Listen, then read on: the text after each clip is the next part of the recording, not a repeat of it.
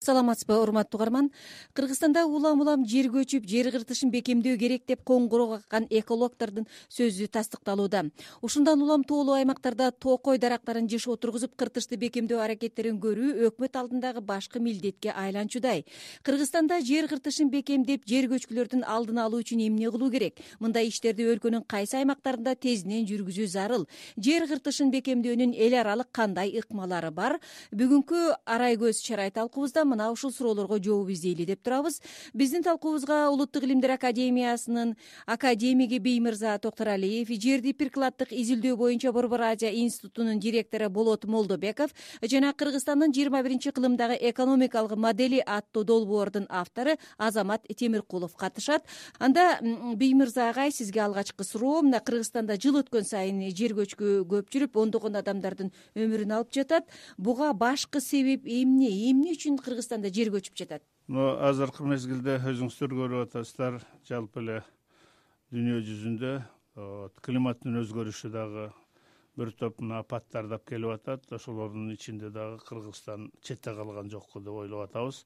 Мунун баардыгына биринчи кезекте кыргызстанда ошо жерди туура пайдалануу болбогондуктан илгертен бери биз эми кыргыз өзүбүздө элге сиңип калган салт бар да эмне болот эле деп бир жерден экинчи жерге көчүп жүргөндө анан ошондой мезгилде эле советтер союзунун убагында он эки миллионго чейин малдын санын көбөйтөбүз деп олтуруп мына ушул жайыттарды э, негизинен мына ошол деградацияга алып келдик да ошонун баардык последствиясы мындан кийинки эмелер ошонун жыйынтыгы болуп олтурат.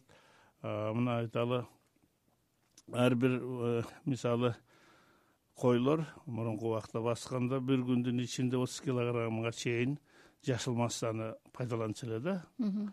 Ошонун негизинде мына ушу ойлоп атабыз. Мындан тышкары дагы токойлорду бадалдарды башкаларды тоонун капталындагы ошо жашыл дарактарды кыюунун натыйжасында мына ушул эмеге алып келди. Анан эң негизгиси үчүнчү себеп болсо азыркы мынагы климаттын өзгөрүшүнө байланыштуу ар кандай.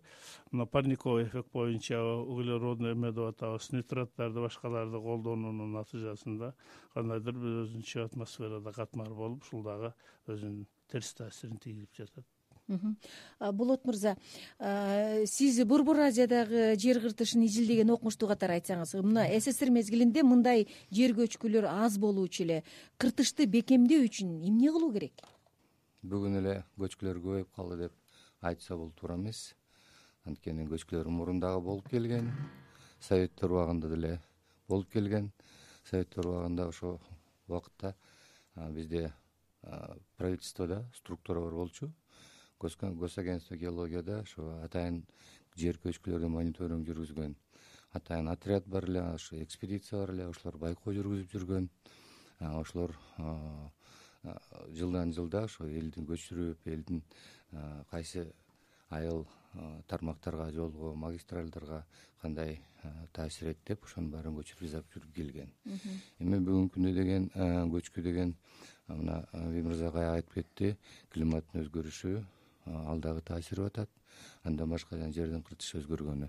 Эң негизгиси биздин ушу жердин өзүнүн кыртышы. Бул биздин тоолуу регионбуз. Бөтөнчө түштүк жакта фергананын восточный деп коелу. Ал жерде глобальный тектониканын жылышы бар. Андан башка өзүнчө ушу лесовый грунт деп коебуз. Ошол лестор абдан терең көп жерде жайлашкан ошондуктан ушул жерде көп болуп атат. Эми көчкүлөрдүн кайталашып келиши где то сегиз он жылда дайыма бир активдүү сезон цикл деп коебуз ошол циклга келет. Мына быйыл ошол бул табигый процессби э, бул табигый процесс бул быйылгы токсон төртүнчү жылы токсон төртүнчү жылы билесиздер абдан көп болгон где то бир жарым миңге чейин көчкү болгон ошондо кишилерди жоготуп болгон. Андан кийин эки миң экинчи жылы болгон. Мына быйыл азыр көрүп атасыздар дагы ошол көчкүлөр көбөйүп көп жерде элге зыян алып келип атат. Андан башка ушу жазда эле вот январдын кезинде министр менен жолугушуп ошол жерде коллегияда ушул суроону карадык эле. Ошондо биз айтканбыз быйыл күздөн баштап жаан көп жаады кар көп түштү өзүңүздөр билесиздер жаз дагы абдан кыйын болду.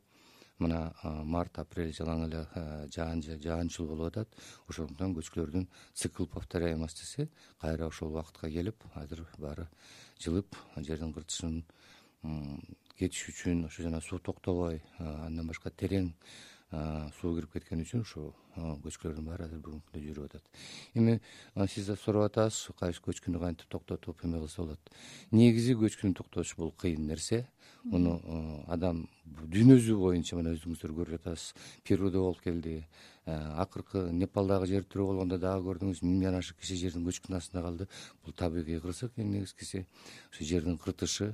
Анан бүгүнкү күндө биз айтабыз инженерный мероприятие деп ушу токтотсок болот мына альпыда кээ бир жерлерде ошо свая кагып же болбосо подпорный стенка дейт ошону коюп атышат. Андан башка разгрузка деп коет өйдөкү жагындагы объемду көлөмүн ылдый түшүрүп ылдый жагынан подпорка кылып токтотуп коюшу бар.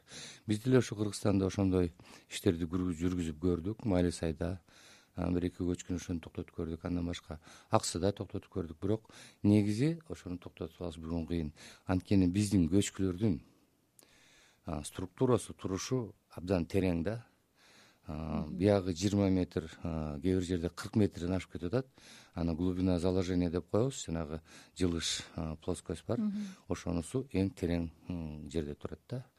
Ошондуктан токтотсун. Андан башка эми майда көчкүлөрдү жанагы бактарак тетигип тамыры түбүң тереңдерде токтотуп калса болот дешет. Бирок мен бүгүнкү күндө мен айтып атам да бир жолу биздин көчкүлөр абдан терең болгон үчүн аны менен токтотот бирок майда көчкүлөрдү бир жарым беш метрлик көчкүлөрдү жанагы склондор кичи объем менен жылып кетип атат ошолорду токтотсо болот. Азамат мырза мына сиздер кыргызстандын жыйырма биринчи кылымдагы экономикалык модели деген стратегиялык долбоорду түзгөн экенсиздер ал долбоор ишке аша турган болсо ушул кыргызстандын тоолуу аймактарындагы жерди бекемдөөчү токойлордун саны көбөйөт. Анан ошол эле учурда табигый кырсыктардын саны азаят деп ишенсек болобу? Албетте. Анткени мунун идеясы тоолорубузга токой отургузуш биз мына агай айтып кетти тоолордун тоодогу токойлордун баарын кыйып бүттүк деградация болуп бүттү жерлерибиз. Ошон үчүн көчкү пайда болуп атат азыр. Андан тышкары мөңгүлөр да эрип жок болуп баратат сексен пайыз мөңгүлөр ушул жыйырма биринчи кылымда жок болуп кетиши мүмкүн да. Ошон үчүн менин сунушум үч миң метр деңгээлге чейин биз хвойныйларды отургузуш керекпиз. Ал зона естественного произрастания деп коет ушул жерде өзүнүн туулган жери да. Эл арча пихта ошолордун баарын отургузса болот эки миң метр деңгээлге чейин бак дарактарды э, жаңгак мисте алма абрикос ошонун баарын отургузса болот. Анан суулардын бойлоруна плантации бат өскөн бак дарактарды сосна терек азыр жаңы бак келип атат кыргызстанга павловня. Мунун баары э, көчкү ушундай кырсыктарга алдын ала кылат да. Андан тышкары экономиканын пайдасы да бар үч миң метр деңгээлге зона. Вот ошол жерде суулар бар. Теплые ключи радон суулары ошонун баары адамдын ден соолугуна абдан жакшы таасир кылат да. Ошол эле хвойныйлар алар фитонцит чыгарат. Фитонцит иммунитетти көтөрөт туберкулезду айыктырат ошон үчүн биз ошол жака Э, эмелерди инвесторлорду тартып япония кытай араб өлкөлөрдөн аякта да э, климаты жаман. Ушундай бизге окшогон бейишке э, окшошкон жерлери жок. Ошолордун инвесторлорду алып келип бияктан курорт санаторий здравницаларды ачсак болот да туристический зона кылып эки миң метр деңгээлге чейин ошол зонадан биз мөмөлөрдү алсак болот. Ягоды грибы лечебные травы бал. Ушунун баары органический таза продукция. Органикалык дүйнө рынок азыр абдан бир бат өсүп аткан рынок жылына он беш жарым пайыз өсөт. Абдан перспективдүү рынок. Кыргызстандын толук бойдон мүмкүнчүлүгү бар. Ушул рынокко кирип өзүнүн нишасын кармап калыш үчүн и э, могу э, суулардын бойлоруна э, бат өскөн дарактардын плантациясын биз буларды жыгач чыгарсак болот. Демек эки иштен бир иштегендей жердин экологиясын да сактап анан кийин туризмди да өнүктүрүүгө жол ачылат деген ойдо туп туура бир жагынан экологияны сактайт ушундай кырсыктардан сактайт. Экинчи жагынан экономикадан абдан пайдалуу нерсе болот. Үчүнчү жагынан мөңгүлөрдү сактайт мөңгүлөрдү да сакташ керекпиз. Вот ушул модель мен толук ишенем комплексно көйгөйлөрүн чечет да